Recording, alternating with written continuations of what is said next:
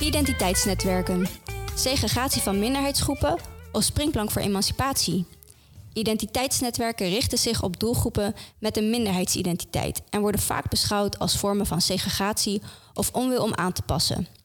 Voor onderwijsinstellingen, gemeenten en bedrijven rijst dan de vraag: willen we deze initiatieven subsidiëren als dit niet voor iedereen is? Kan een netwerk wel een gesprekspartner zijn wanneer de indruk bestaat dat het netwerk maatschappelijke participatie in de weg staat? In hoeverre kloppen deze aannames? Zijn identiteitsnetwerken juist ook niet een motor voor sociale cohesie en emancipatie? In deze podcast verkennen we de waarde van identiteitsnetwerken aan de hand van een recent onderzoek naar de rol van identiteitsnetwerken onder Amsterdamse jongeren met een migratieachtergrond. Mijn naam is Pravini Baburam, programmamanager bij ECHO, Expertisecentrum Diversiteitsbeleid en host van deze podcast. En ik ben hier met Marike Slootman, onderzoeker aan de VU en in Holland, en Rumesa Unal, Inclusion, Diversity en Equity Specialist bij KPMG. Welkom. Dank je. Um, Marike en Rumesa zijn beide betrokken als onderzoekers bij het onderzoek naar identiteitsnetwerken als springplank. Kunnen jullie jezelf uh, nader voorstellen? En in jullie voorstelronde, uh, naast hè, jullie professionele rol, ben ik zelf ook wel benieuwd wat jullie persoonlijke ervaring is met identiteitsnetwerken. Rumesa? Yes, um, nou ja, je hebt het al benoemd, hè? ik werk bij KPMG. Uh, maar hiervoor ben ik ook uh, onderdeel geweest van Diversity Talks. En uh, zelf ook onderdeel geweest van uh, identiteitsnetwerken. vandaar ook mijn interesse om dit onderzoek onder andere uit te voeren en mee te doen. Um, dit heb ik in mijn studententijd gedaan. En ik ben onderdeel geweest van Anatolia en Giving Back. En kan je iets meer vertellen voor de mensen die niet bekend zijn met Anatolia en Giving Back? Uh, yes, dat zijn, uh, Anatolia is een Turkse studentenvereniging aan de VU. Um, al opgericht in 1999 en ook uh, het onderdeel van het onderzoek waar we interviews voor hebben uitgevoerd. Uh, Giving Back is een multiculturele studentenvereniging die zich meer richt op diversiteit in de bredere zin. Oké, okay, dankjewel. Marieke? Mijn naam is Marieke Slootman. Ik ehm, heb dit onderzoek gedaan vanuit mijn rol aan de Vrije Universiteit. ik werk tegenwoordig voor In Holland als onderzoeker. Um, mijn fascinatie gaat uit naar uh, ja, ongelijkheid en minderheden en hoe dat werkt in de maatschappij. Wat het met je doet als je als minderheid gelabeld wordt of jezelf zo ziet. Um, waar je dan tegenaan loopt. En ik ben zelf niet lid geweest van zo'n identiteitsnetwerk. Maar mijn uh, interesse komt eigenlijk voort uit mijn proefschrift. Toen deed ik onderzoek en had ik interviews met hoger opgeleide Turkse en Marokkaanse Nederlanders. Um, en die praten, zonder dat ik er naar vroeg, noemden ze allemaal dat ze op de universiteit lid werden van zo'n netwerk. En in contact kwamen met andere Turkse, Marokkaanse Nederlanders die ook een hogere opleiding deden. En dat was een, een, een openbaring, dat waren soulmates, daar gebeurde iets. Um, dus daar, uh, ja, dat, dat triggerde mijn interesse. En dat kwam eigenlijk dit, uh, dit onderzoek uit voort deels. Ja. ja. Mooi, dankjewel. Um, Marieke, jij geeft aan van goh, er is een hele specifieke ervaring van herkenning. En ik hoor eigenlijk ook een stukje sense of belonging daarin terugkomen. Um, uh, in, in jouw onderzoek, Roemesa, is dat ook jouw ervaring? Jazeker. Ik, uh, uh, nou ja, ik was dus zelf onderdeel van een netwerk, maar ik kreeg ook dezelfde openbaring. En um, dat was voor mij een hele eye-opener, waardoor ik ook dacht: hè, van dit, dit moet je eigenlijk breder onderzoeken, hoe dit komt. Um, ik ben eerste generatie student, dus als eerste van familie uh, naar de universiteit. En toen ik op de universiteit kwam, had ik dus ook wel niet zo'n grote omgeving. Überhaupt niet veel rolmodellen. Um, en toen kwam ik erachter dat er een specifieke vereniging was voor hoogopgeleide, om het zo te zeggen, uh, Turkse studenten. En ben daar lid van geworden. Heb daar mensen ontmoet die ik nooit zou ontmoeten. Um, maar die heel belangrijk zijn geweest voor in mijn loopbaan, maar ook in mijn persoonlijk leven. Vrienden gemaakt voor het leven. Dus uh, ik was daar heel erg blij mee. En uh, zag ook dat het mij veel mogelijkheden heeft geboden die ik normaal niet zou krijgen. En dat was ook echt een motivatie van hè, dit zijn netwerken die heel erg onderbelicht zijn, maar wel heel waardevol voor de samenleving, terwijl ze niet zo worden gezien. Hmm. Nou, je, geeft het eigenlijk al aan uh, voor jou uh, van enorme meerwaarde. Maar in de bredere uh, maatschappelijke discussie wordt dat niet altijd zo gezien. Kunnen jullie iets meer delen over wat dan de kritieken zijn of perspectieven op die identiteitsnetwerken in de maatschappelijke context? Wat komen jullie zo al tegen? Ja, nou, um, in mijn rol als, uh, als diversity officer onderwijs, die ik ook had uh, bij de VU een aantal jaar, uh, zagen we dus, keken we vanuit een andere kant naar die, die identiteitsnetwerk, vanuit de instellingskant. En daar zie je dat, nou ja, aan de VU soms een beetje, maar ook zeker op andere plekken, er toch vaak huivering is van ja, ten aanzien van identiteitsnetwerken. Want ja, inderdaad, wat jij al noemde, Pravini, bij je introductie wil je wel een netwerk financieren dat niet voor iedereen is. Hoewel zo'n netwerk vaak niet per se gesloten is voor anderen, maar zich gewoon richt op een bepaalde doelgroep. Um, dat geldt ook voor doelgroepenbeleid. Willen we uh, een summercourse aanbieden die zich dan met name richt op eerste generatie studenten? Dus we zien daar uh, wel degelijk de huivering. Uh, en vaak, we zien eigenlijk ook bij de netwerken ook wel van dat ze het soms lastig vinden om te, uit te leggen wat ze doen en dat ze een bestaansrecht moeten verdedigen. Zo van waarom alleen een vereniging voor Armeense jongeren? Uh, waarom niet voor iedereen? En wat doen jullie daar dan? Is dat segregatie? Dus we merken wel dat er uh, ja, echt wel frictie omheen zit en ook wel uh, onhandigheid. Gemeenten herkennen dat ook, van, met name dan bij religieuze verenigingen. Van, uh, dit is zeker het onderzoeken waard geweest, uh, denk ik. Ja, ja, Met belangrijke aanbevelingen. Dus ik hoor eigenlijk uh, dat er um, ook weinig inzicht is in wat zo'n netwerk doet en um, ja, wat je noemt dan doelgroepenbeleid. hoe verhoudt zich dat tot het idee dat iedereen overal welkom zou moeten zijn? En dat daar de huivering in zit van hoe gaan we daarmee om als er heel specifiek um, een, een gemeenschap is waar mensen zich op willen richten. Ja, en ik denk dat het met name die huivering is ook als het gaat om etniciteit. Dus organisatie op basis van etniciteit. Want identiteitsnetwerken zijn wel overal. Uh, natuurlijk in heel veel bedrijven. Noemen ze diversiteitsnetwerken. En dan gaat het om vrouwennetwerken. Of, um, of uh, LHBTQ plus netwerken.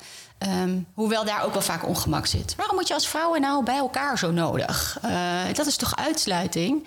En ik denk dat dat dus um, voorbij gaat aan A, dat andere netwerken ook vaak niet voor iedereen zijn. Of tenminste, in ieder geval niet iedereen zich daartoe aangetrokken voelt in gelijke mate. Dus als, ja, wie is dan gesprekspartner en wie niet? Um, um, en nou, ik wou nog iets zeggen, maar dat ben ik vergeten. Komen we misschien zo nog op. Maar ik vind het wel interessant wat je nu al aankaart. Want eigenlijk uh, geef je dus ook aan uh, dat we uh, niet alleen zouden moeten kijken naar de identiteitsnetwerken die zich richten op een specifieke gemeenschap, maar eigenlijk ook vragen zouden moeten stellen over de andere netwerken die eigenlijk uh, pretenderen er voor iedereen te zijn, maar toch niet, waar toch niet iedereen zich thuis voelt. En dat dat eigenlijk ook, ik kan me voorstellen, vanuit de identiteitsnetwerken een antwoord is hè, op, die, op die context van minderheids, meerderheidsdynamieken, zeg maar. Ja, zeker. Dat zien we ook, Aramesa. Ja, zeker ook. En het is meer uh, van waardeschatten van deze netwerken, maar ook die onzichtbaarheid. Van hè, als je een studentenvereniging benadert voor een casus, betekent niet dat alle studenten daar gerepresenteerd in zijn. En vooral uh, het belang inzien dat, dat er in die identiteitsnetwerken kansen liggen die je normaal niet zou zien. Uh, en die, die heel waardevol kunnen zijn voor je bedrijf. Dat is heel belangrijk. Uh, maar ja, daar, dat is totaal onzichtbaar in het bedrijfsleven, omdat er uh, in die zin niet zoveel waarde aan wordt gehecht over welke groep het is. En in die zin moet je kijken naar hè, diversiteitsbeleid. Daar wordt het al vaak onder geschaard, studentenverenigingen, identiteitsnetwerken.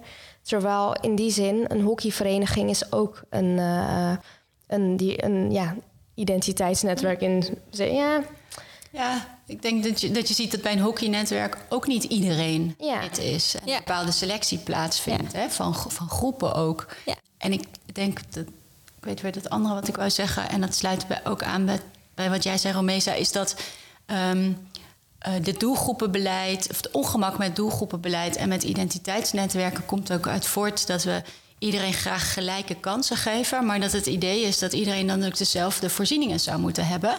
Wat totaal voorbij gaat aan dat mensen uh, niet hetzelfde uitgangspunt hebben en niet op dezelfde manier zich relateren tot de maatschappij.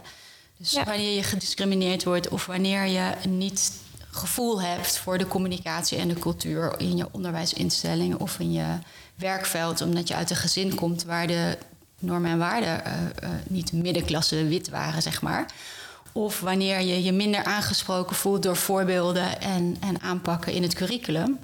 Ja, als je op die manier afstand ervaart tot het systeem, ja, dan heb je echt een ander soort voorzieningen en, en, en hulpbronnen nodig om je weg te vinden in dat systeem van school en werk. Ja. Dus het wordt vaak voorbij aan voorbij gegaan als mensen zeggen van nee, nee, iedereen is gelijk en we zijn tegen doelgroepenbeleid en identiteitsnetwerken. Ja, dat doet me heel erg denken aan uh, een discussie die we vanuit Echo in ieder geval vaak uh, voeren. En dat is um, uh, in hoeverre zien we, uh, zijn we kleurenblind of kleurenbewust? En dat, dat relateert ook heel erg aan wat jij zegt, Marieke. Mm, vrouwennetwerken. Uh, of hockeynetwerken, uh, hebben we maatschappelijk minder discussie over. Maar zodra het over kleur gaat, dan wordt het in één keer gevoelig en ongemakkelijk. Um, en uh, dat is eigenlijk ook een beetje die, die maatschappelijke context waar ik naartoe wilde. Want uh, de, de discussie over identiteitsnetwerken uh, maakt volgens mij ook onderdeel uit van een grotere beweging in de Nederlandse samenleving. Waarin we ons afvragen hoe moeten we nou ons verhouden tot, het, tot kleur en tot het gesprek daarover. En wat betekent dat dan voor beleid? Gaan we generiek beleid voeren? Iedereen is gelijk? Of gaan we toen naar specifiek beleid? Hè? Wat jij ook zegt, Marieke, waar we erkennen dat er verschillende uitgangspunten zijn. En dat we dus ook verschillende oplossingen moeten bedenken om de, die gelijke kansen weer uh, recht te trekken. Uh, dat is misschien ook wel um, ja, een mooi moment om toe te gaan naar jullie onderzoek. Want jullie hebben daar natuurlijk ook specifiek naar die rol van identiteitsnetwerken onderzoek naar gedaan. Kunnen jullie ons meenemen in ja, het onderzoek uh, en um, uh, de methode en de, de bevindingen. Ja, zal ik uh, beginnen? Als je iets aan te vullen hebt, dan. Um, in het onderzoek hebben we met verschillende partners samengewerkt, omdat eigenlijk meerdere instellingen in de Amsterdamse context, want de, de subsidie van het kenniscentrum ongelijkheid, die, die, die we gebruikt hebben, mochten gebruiken voor het onderzoek, richtte zich op Amsterdam. Dus we hebben ons met name op Amsterdamse partners gericht, behalve ECHO. Uh, dus uh, de VU en in Holland de, en de HVA waren betrokken, evenals Diversity Talks, studenten, um, NGO, hè, studentenorganisatie. Um, en we hebben 35 jongeren geïnterviewd die, uh, die uh, lid waren van identiteitsnetwerken met een migratieachtergrond in Amsterdam. Uh, en ook enkele jongeren die geen lid waren. Nou. Ja, en we hebben dus gekeken naar hoe, hoe verhoudt zo'n identiteitsnetwerk nou op basis van is het een springplank of is het een emancipator. Uh, en daaruit kwam voor dat het eigenlijk een, een plek is, een bron is van sociaal, cultureel en menselijk kapitaal. Uh, waarin um, ja, studenten met migratieachtergrond, even ter context, uh, vele daarvan waren ook eerste generatie studenten uh, met weinig rolmodellen, met weinig um, uitgangspunten om mee om te gaan naar de universiteit. En zij kwamen verschillende personen tegen die op hen leken, wat hen inspireerde, wat ervoor zorgde dat ze meer zelfvertrouwen kregen. En ook voorbeelden gaven van hè, hoe moet het dan wel? Uh, ze leerden van elkaar. Dat, dat gaf toegang uh, naar verschillende voorzieningen. Um, dat weer invloed op het sociaal kapitaal. Maar ook um, ja, het een, springplank vormen voor de carrière. Door in te laten zien dat je jezelf kan ontwikkelen op verschillende manieren. Onder andere door teamwork, maar ook door het leren van elkaar. En deze bronnen die zijn dus uiteindelijk heel waardevol. In, plaats, in tegenstelling tot de tot het inzicht van gaan ze dan uit elkaar? Is het dan een plek van segregatie? Blijkt het eigenlijk juist een plek van inspiratie en zelfvertrouwen die bijdraagt aan de samenleving. Ja, en er zijn uh, twee vragen die in me opkomen. Ik denk van interessant om ook te vragen wat, wat jullie perspectief daarop is. Want ik kan me best voorstellen dat alles wat je nu benoemt, Rumesa, dat dat ook bij um, hè, andere netwerken gebeurt. En dan, als we het in termen van kleur denken, dan witte netwerken. Dus wat maakt um, dat identiteitsnetwerk dan zo anders ten opzichte van witte netwerken? Ik denk dat het grootste punt sense of belonging is. Um, jezelf op je gemak voelen. Dat is iets wat uh, veel voortkwam uit interviews. Dat ze eindelijk een plek hadden waar ze uh, hun eigen identiteit herkenden, uh, maar ook konden cultiveren. En dat zij hier, op basis hiervan, op basis van de mensen waar, waar, waar, ze op lijken en waar ze dezelfde ervaringen mee delen, die misschien ook niet zo goed navigeren in de uh, institutionele context, uh, dat ze daaruit die herkenning halen en dat dat, dat een, een, fijn gevoel geeft, maar ook een gevoel om verder te gaan. Een voorbeeld hiervan is dat zij dat er een enkele uh, interviewees waren die vanuit de middelbare school uit een hele witte omgeving kwamen, eigenlijk niet veel wisten over hun eigen cultuur. En bij het aansluiten van zo'n netwerk, dat ze die cultuur juist meer gingen erkennen. En dat ze het zagen als een kracht. Dus waar diversiteit eerst werd gezien als, hè, nou ja, ik, moet, ik ben er niet zo bewust van, dat dat een plek werd van ontmoeting. En um, juist van, hè, ik ben ook een Turkse Nederlander of ook, ik ben ook een Armeense Nederlander. En uh, op basis daarvan verder gaan. Ja, dus je ziet eigenlijk een. Volgens mij raakt het een groter verhaal van uh, hoe gaan we überhaupt om in Nederland met identiteit? Moet je hè, conformeren naar die Nederlandse cultuur, die Nederlandse norm? Uh, en wat betekent dat eigenlijk voor uh, de andere culturen die je met je meedraagt? Um, en dat, als ik je goed begrijp, uh, naast het gevoel van herkenning, hè, representatie, omdat mensen op je lijken, dat je dus eigenlijk ook het gevoel krijgt dat jouw cultuur, die niet Nederlands is, er mag zijn. En dat in die witte netwerken, um, kan me voorstellen, misschien ook vanwege de dominantie hè, van de Nederlandse cultuur, dat er niet altijd ruimte wordt gevoeld om dat uit te dragen. En misschien zelfs hè, dat daar ook um, nou ja, uh, op een manier mee wordt omgegaan wat um, uh, niet als fijn wordt ervaren. Is dat ja, en daarbij zien we denk ik ook... Uh, ja, ik denk dat je het mooi samenvat. En ik denk ook, hè, Rumesa, wat we zagen is dat... het gaat niet alleen maar om het vormgeven van de Turks, Turkse cultuur en identiteit... maar juist hoe ga ik om met die, die verschillende aspecten van mezelf... Dus hè, uh, een, een, Nederlandse jongere met de, Turkse, met de Turkse achtergrond in die, hoger op, in die context van het hoger onderwijs. De meeste netwerken die we vonden waren gerelateerd aan het hoger onderwijs. Daar kunnen we wel op terugkomen later, want dat is wel interessant. Uh, maar ook dus niet zozeer het cultiveren per se, maar ook het ontdekken en het vormgeven van hoe verhoud ik mij als met mijn veelzijdigheid tot, tot die situaties waarin ik terechtkom. En ik denk dat van witte verenigingen. Er, er, zijn er heel duidelijke aspecten die niet aansluiten bij een heleboel uh, aspe- uh, ja, voorkeuren, denk ik, van jongeren met een migratieachtergrond. En dat geldt echt niet voor iedereen. Maar uh, zoals, zoals, alcohol of heel veel feesten of laat thuis mogen komen. Of, um, dus dat, dat sluit niet altijd aan. Maar ook die, toch die gedeelde ervaring van dat je niet altijd helemaal bij hoort. Dat kan zo'n opluchting zijn, uh, blijkt uit die interviews. Uh, hè, even, even adem mogen halen, even vrij zijn van voortdurende prikkeltjes dat je net anders bent. En dat wil niet zeggen dat deze jongeren alleen maar in die netwerken zitten. Een heleboel combineren dat met een heleboel omgevingen.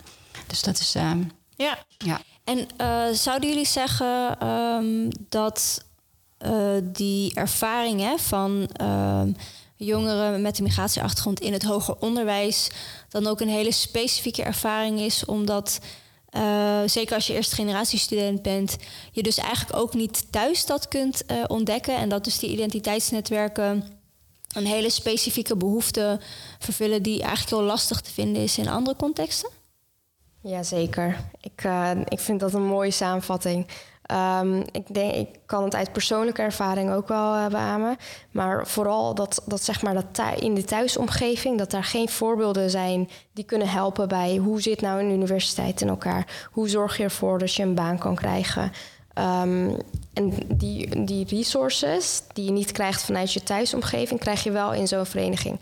En wat je dan ziet is dat het menselijk kapitaal, hè, dus je netwerk onder andere, bij uh, witte mensen, waar dat al vaak is gevormd door uh, de ouders, de, het netwerk waarin ze, je ouders je begeven, vooral als je hoog opgeleid bent, dan hebben je ouders vaak ook een hoogopgeleide netwerk die je kunnen helpen in zo'n omgeving. En dat gemis bij studenten, vooral eerste generatie studenten, uh, die wordt op die manier verkleind omdat je mensen ontmoet die jou ook kunnen helpen. En in die zin um, ver, uh, verlaag je de, de, de gap tussen uh, dat menselijk kapitaal zonder uh, netwerk en met netwerk. Door ja, dat netwerk voor jezelf op te bouwen in zekere zin. Ja, en ik gaf eerder aan dat ik twee vragen had, dus dan kom ik nu aan mijn tweede vraag.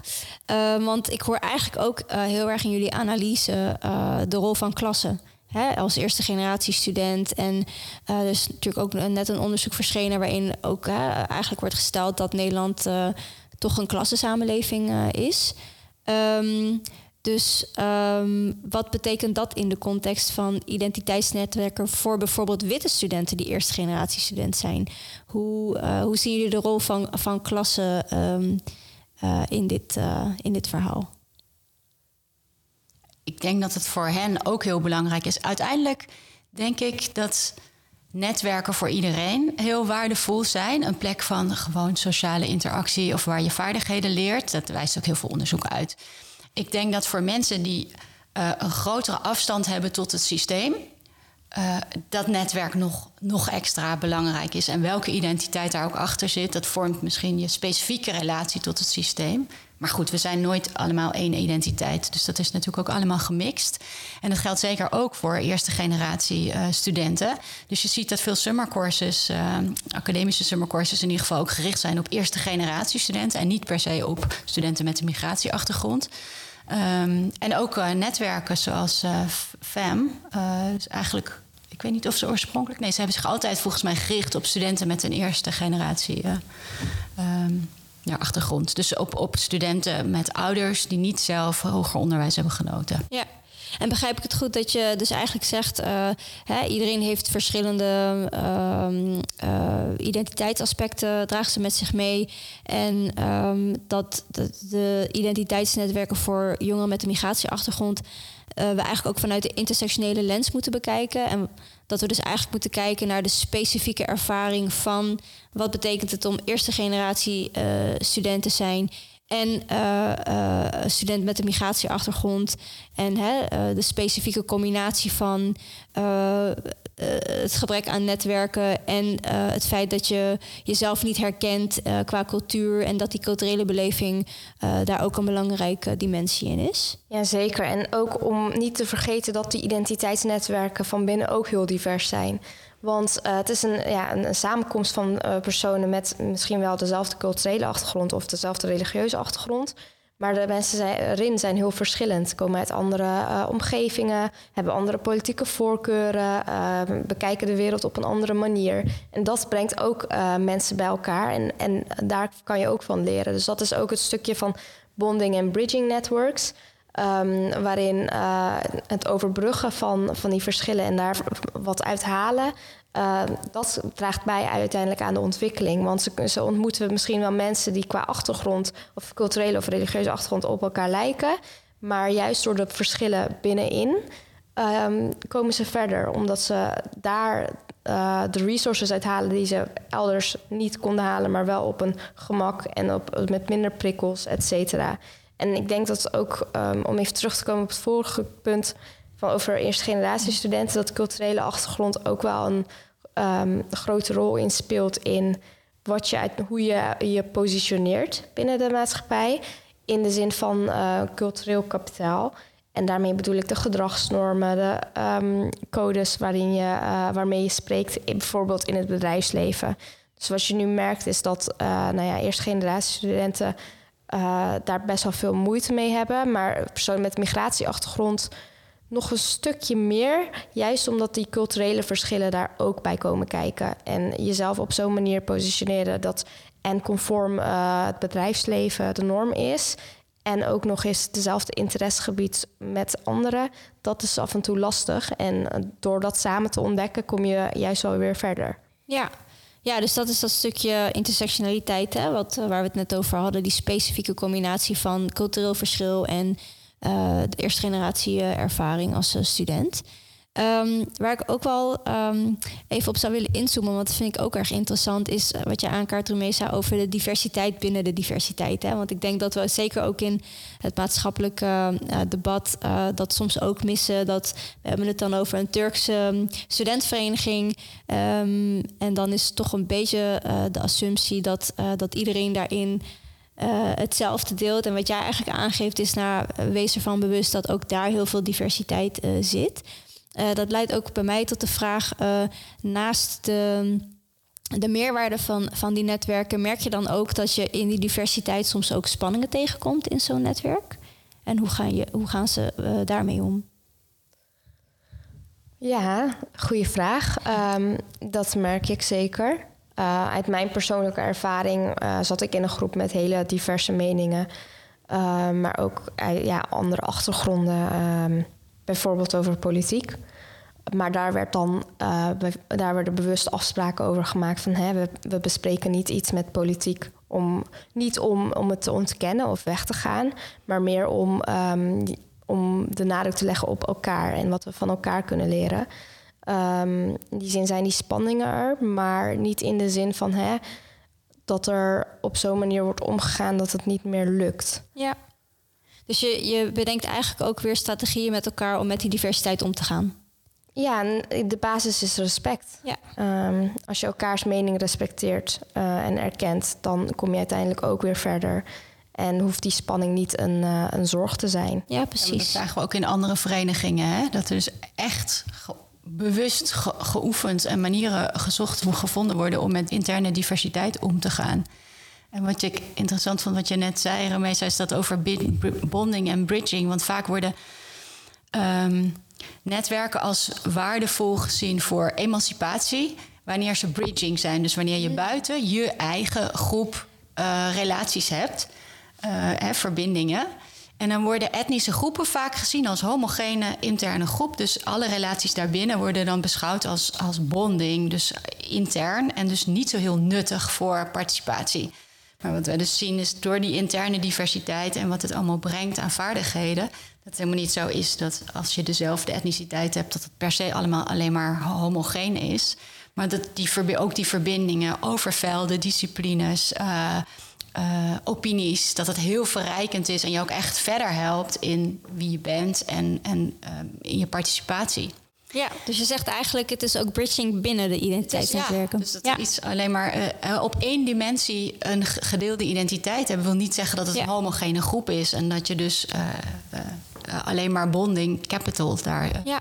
ontstaat. En ik weet niet of dat iets is hoor, wat in jullie onderzoek aan, ook aan de orde kwam, maar ik hoor je ook zeggen, er wordt van identiteitsnetwerken verwacht dat ze bridgen met andere netwerken. Um, gaat dat dan ook specifiek over witte netwerken of juist ook met andere identiteitsnetwerken? Ik denk dat er um, uh, vooral verwacht wordt dat je buiten je eigen nauwe vriendengroep uh, netwerkt zodat je veel meer informatie uh, en, en skills, vaardigheden gezamenlijk ontwikkelt. En dat zie je dus heel duidelijk dat dat in die netwerken gebeurt, maar ook wel door de professionele component. Dus dat je leert organiseren, maar ook wel uh, in ieder geval een aantal van die netwerken hebben echt, zeker als ze van studenten zijn, uh, die hebben echt een, een soort arbeidsmarktperspectief. Dus veel, ze bezoeken inhuisdagen van, van bedrijven. Um, en bedrijven benaderen hen uh, voor, om workshops te geven. En je ziet dat dat ook enorm versterkend werkt, specifiek op die migratieachtergrond. Uh, want waar die studenten, Romees, uit, jou, uit jouw interviews komt dat, dat studenten die eerder dachten van ja, weet je, op de Zuidas, op die grote advocatenkantoren, dat is niks voor mij. Maar op het moment dat zo'n zo'n uh, zo'n organ, zo'n bedrijf bij jou terechtkomt van, nou ja, we zijn ook geïnteresseerd in jullie en jullie hebben veel te bieden, is dat heel versterkend. Dus dat idee van, hé, hey, ik mag er zijn met al mijn identiteiten, inclusief mijn Turkse identiteit, maar ze willen mij gewoon hebben, dat is heel, dat verrijkt gewoon ambities. Ja. Dus ik hoor naast uh, dat stukje um, uh, sociaal kapitaal versterken en sense of belonging, ook cultureel gezien, eigenlijk ook een, een professionele ontwikkeling in relatie tot de arbeidsmarkt en arbeidsmarktperspectief. Juist ook omdat werkgevers interesse tonen om samen te werken. Ja, op twee manieren. Dus eigenlijk dat, dat verkennen van die codes. Maar ook als het gaat over dieper, over zelfvertrouwen, om die stap te nemen. Om te weten dat je daar welkom bent, of in ieder geval daar, daar iets van voelen, maar dan dus ook die stap durven te nemen. En ik denk dat dat ook zo'n belangrijke eh, stap is in dat springplank-effect. Dat je als, je die zelf, als je dat zelfvertrouwen niet hebt, wordt die participatie heel eng. Uh, maar als je weet van ik mag er zijn, ik zie rolmodellen, ik, ik uh, word erkend, dan kan je net iets ontspannender en zelfverzekerder die stap maken de arbeidsmarkt in. Of gaan praten met de gemeente. Of je punt gaan maken bij die, bij die onderwijsinstellingen. Dus daar zit die kracht van uh, participatie en emancipatie. Ja. ja, en om daaraan toe te voegen. Um, zulke netwerken hebben vaak, zijn heel goed georganiseerd in de zin van commissies en evenementen plannen, teamwork. Dus dat zijn allemaal professionele vaardigheden die je opdoet. En uh, die heel waardevol zijn voor de arbeidsmarktpositie. Vooral wanneer bedrijven dus dat extracurriculaire activiteiten van je vragen. En willen zien dat je wat extra's doet na school. Om dan in zo'n netwerk terecht te komen en daar te kunnen laten zien van hé, ik heb een bestuursjaar gedaan, ik heb dit en dit ontwikkeld. Dat is heel waardevol.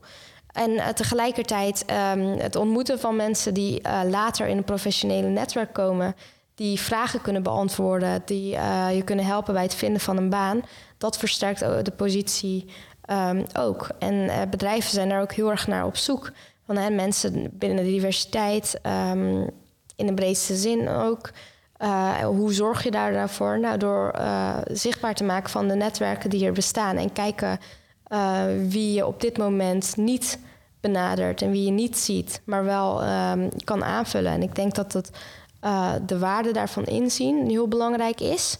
Vooral ook omdat je op die, manier, op die manier een populatie bereikt die je normaal gezien niet zou bereiken.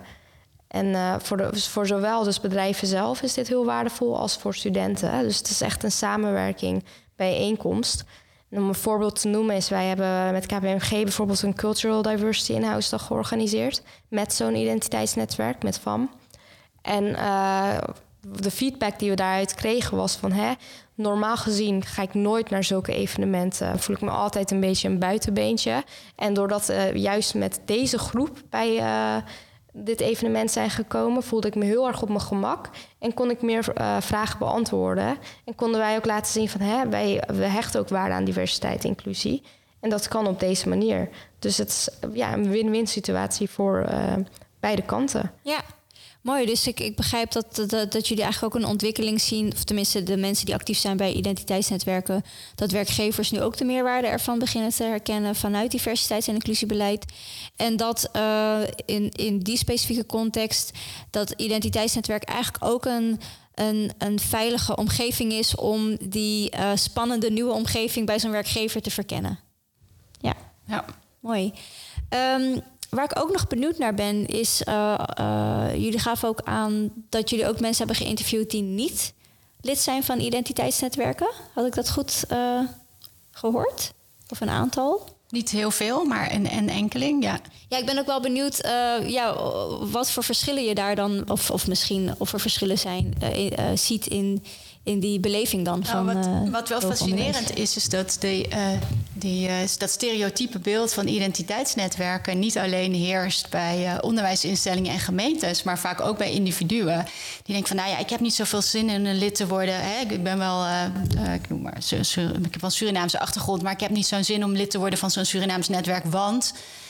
En dan komen die stereotype beelden worden herhaald, dus die zijn heel breed. En uh, volgens mij is zelfs van uit de interviews met leden blijkt ook wel dat ze sommige leden ook wel een tijdje dachten van nou ja, wil ik dat wel? En uiteindelijk als ze lid worden, pas zien hoe divers zo'n zo'n zo'n netwerk is intern. En dan denk ik, oh wacht, maar hè, er is heel veel van, van conservatief tot meer progressief of alle, alle personen zijn, uh, zijn vertegenwoordigd. Dus, dus dat zien we wel uit die interviews, maar ook dus wel uit de interviews met leden. Ja, Ja, dus je ziet eigenlijk dat beeldvorming uh, niet altijd uh, gelijk is aan realiteit. En dat je eigenlijk echt uh, in gesprek moet gaan met identiteitsnetwerken om dat beeld bij te stellen. Begrijp ja, Ja. ja. Um, ja, we zijn eigenlijk alweer bijna toe aan afronding van, van deze podcast. dus voordat we dat doen, um, wil ik jullie nog vragen: zijn er nog ja, punten die jullie graag nog willen benoemen voordat we afronden als het gaat om het onderzoek? Nou, ik denk zoals we net eindigden. Jij zei ga in gesprek met identiteitsnetwerken. Ja, dat vooral. En ook eh, helpt het al om op basis van het onderzoek en op basis van veel, veel bredere ervaringen natuurlijk. Uh, wees dus niet um, uh, terughoudend in het benaderen en hoe zeg je dat? Betrekken van identiteitsnetwerken als gemeente zijnde of onderwijsinstellingen zijnde. Herken en erken dus heel erg die meerwaarde. En zie ze als uh, hele belangrijke gesprekspartners. Niet, heel homo, niet homogeen, maar wel gesprekspartners die heel veel ervaring hebben met diversiteit en inclusie. En heel veel uh, kunnen articuleren als het gaat om behoeften van, van deze specifieke groep. Want zij zijn natuurlijk de ervaringsdeskundigen op het gebied van behoeften van een hele belangrijke uh, bevolkingsgroep in je stad. Of groep studenten of leerlingen in je onderwijsinstelling. Dus. Um, um, uh, wees daar niet te terughoudend in, want het heeft echt waarde. Um, wees dus ook niet te bescheiden in het argumenteren van je keuzes naar de buitenwereld. Ga ervoor staan als instelling. Ja, we hebben doelgroepenbeleid en het is belangrijk hier en hierom. En daarnaast zien we dat het voor een heleboel uh, netwerken best wel ingewikkeld is om zich te organiseren. Want je hebt natuurlijk elke paar jaar uh, nieuwe studenten. En op de universiteiten lukt dat wel, zien we op de HBO's wordt dat best wel is het veel ja, ontstaan die netwerken veel minder. En op de MBO's eh, eh, bestaan ze volgens mij bijna niet. Dus ik denk dat het belangrijk is om manieren te, te vinden om dit soort netwerken te ondersteunen. Je hoeft ze misschien niet te initiëren, of misschien wel. Dat is nog wel een interessante vraag. En zorg dat al die faciliteiten die er zijn ook zichtbaar zijn voor studenten in die organisatie. Want uh, ze, ze, willen wel, het is heel zelfversterkend. Uh, en zorg dat ze ook zichtbaar zijn voor nieuwe studenten. ja. ja. En uh, ik hoor dus eigenlijk ook een pleidooi voor kleur bekennen. In die zin, hè? want uh, we begonnen de podcast met Godders, uh, wat huivering. En um, instellingen weten toch nog niet zo goed hoe ze zich moeten verhouden tot die identiteitsnetwerken. En eigenlijk hoor ik je zeggen, het is echt van meerwaarde. Erken dat, faciliteer dat. En daarmee kan je eigenlijk alleen maar dat effect versterken van sense of belonging en al die studenten eigenlijk ook um, ja, uh, ondersteunen in hun professionele en persoonlijke ontwikkeling. Sense of belonging, uh, agency en, uh, en, erkenning. Ja, mooi. En misschien nog een heel klein um, zijwegje, want ik vond het wel interessant dat jij benoemde dat je al verschillen ziet tussen het WO, HBO en MBO. Is dat ook nog iets wat in jullie onderzoek ja, aangeraakt is? Of, of, of is dat eigenlijk misschien iets voor vervolg om te verkennen? Ja, dat laatste. Vervolg, ja. oké. Dankjewel. Uh, Rumesa, heb jij nog iets wat je wil um, toevoegen? Nee, eigenlijk niet. Ik, uh, ik, ik, denk dat het voor de vorm van agency en erkenning heel belangrijk is. Maar ook uh, het durven van. Dat je die stap durft te nemen. Dat je het niet schaart onder hem. Maar hoe moeten we dan ervoor zorgen dat iedereen wordt gerepresenteerd? Maar kijk gelijk naar de gelijkwaardigheid in het beleid. En hoe je die groepen op een manier kan, kan ondersteunen die misschien niet conform de huidige standaard is, maar juist een aanpassing nodig heeft. En dat die aanpassing heel waardevol is voor diversiteit in de breedste zin, of het nou in een instelling is of in het bedrijfsleven. Um, dat je die samenwerkingen durft aan te gaan en daar ook gewoon uh, een stokje voor kan steken. Ja, ja, mooi. Dus eigenlijk hoor ik jou ook zeggen, Rumesa, dat het niet zozeer gaat om alle studenten uh, bij één uh, studentenvereniging krijgen, maar juist uh, de diversiteit aan netwerken te vieren en te kijken hoe die in verbinding kunnen staan met elkaar in gelijkwaardigheid. En dat niet iedereen hetzelfde hoeft te zijn, maar vooral anders mag zijn en daarin met elkaar verbindt. Ja. ja. Mooi. Uh, laatste vraag nog, want um, we hebben het nu over uh, identiteitsnetwerken uh, anno 2023. Um, en we proberen ook vanuit Echo altijd te kijken van... goh, waar kunnen we nou op anticiperen voor de toekomst? Rumesa, jij bent inmiddels professional, je werkt nu bij KPMG... Ehm, eh, ik ben ook wel benieuwd of je misschien nog even kort wil terugblikken op hoe zo'n identiteitsnetwerk, hoe je er nu op terugkijkt nu als professional. Maar wellicht ook, uh, ja, zijn er misschien ook nog ontwikkelingen waarvan je zegt dat zou mooi zijn als we die kant op gaan. Um, misschien um, voor de identiteitsnetwerken aan zich, maar misschien ook in het grotere plaatje. Ik hoorde jullie al zeggen een pleidooi voor erken het. Zijn er nog andere ontwikkelingen waarvan je zegt dat is interessant om daar nu eigenlijk al over na te denken? En, uh, maar laten we beginnen met de terugblik, Rumesa. Hoe, hoe kijk je zelf terug op, uh, op die identiteitsnetwerken nu in jouw rol als professional? Nou ja, het is wel grappig. Ik heb hierover nagedacht. En nou, ik ben lang betrokken geweest bij identiteitsnetwerken in mijn studententijd. En nu ook in het werkleven kom ik verschillende identiteitsnetwerken op professioneel niveau tegen. En je merkt dat eigenlijk dezelfde karakteristieken daar voortleven. En dat dat ook heel belangrijk is. Um, in de zin van hè, hoe ondersteun je elkaar? Hoe zorg je ervoor dat je rolmodellen bent? En dat, wat ik heb ontdekt is dat die netwerken van professionals, die diversiteitsnetwerken, bijvoorbeeld een cultural diversity, bijvoorbeeld een vrouwennetwerk of een Pride, dat die juist zorgt voor um, vooruitgang. Uh, binnen het bedrijf, omdat je elkaar ondersteunt en die herkenning uh, kan, uh, kan zien. Het maakt het werk leuker, je ontmoet nieuwe mensen.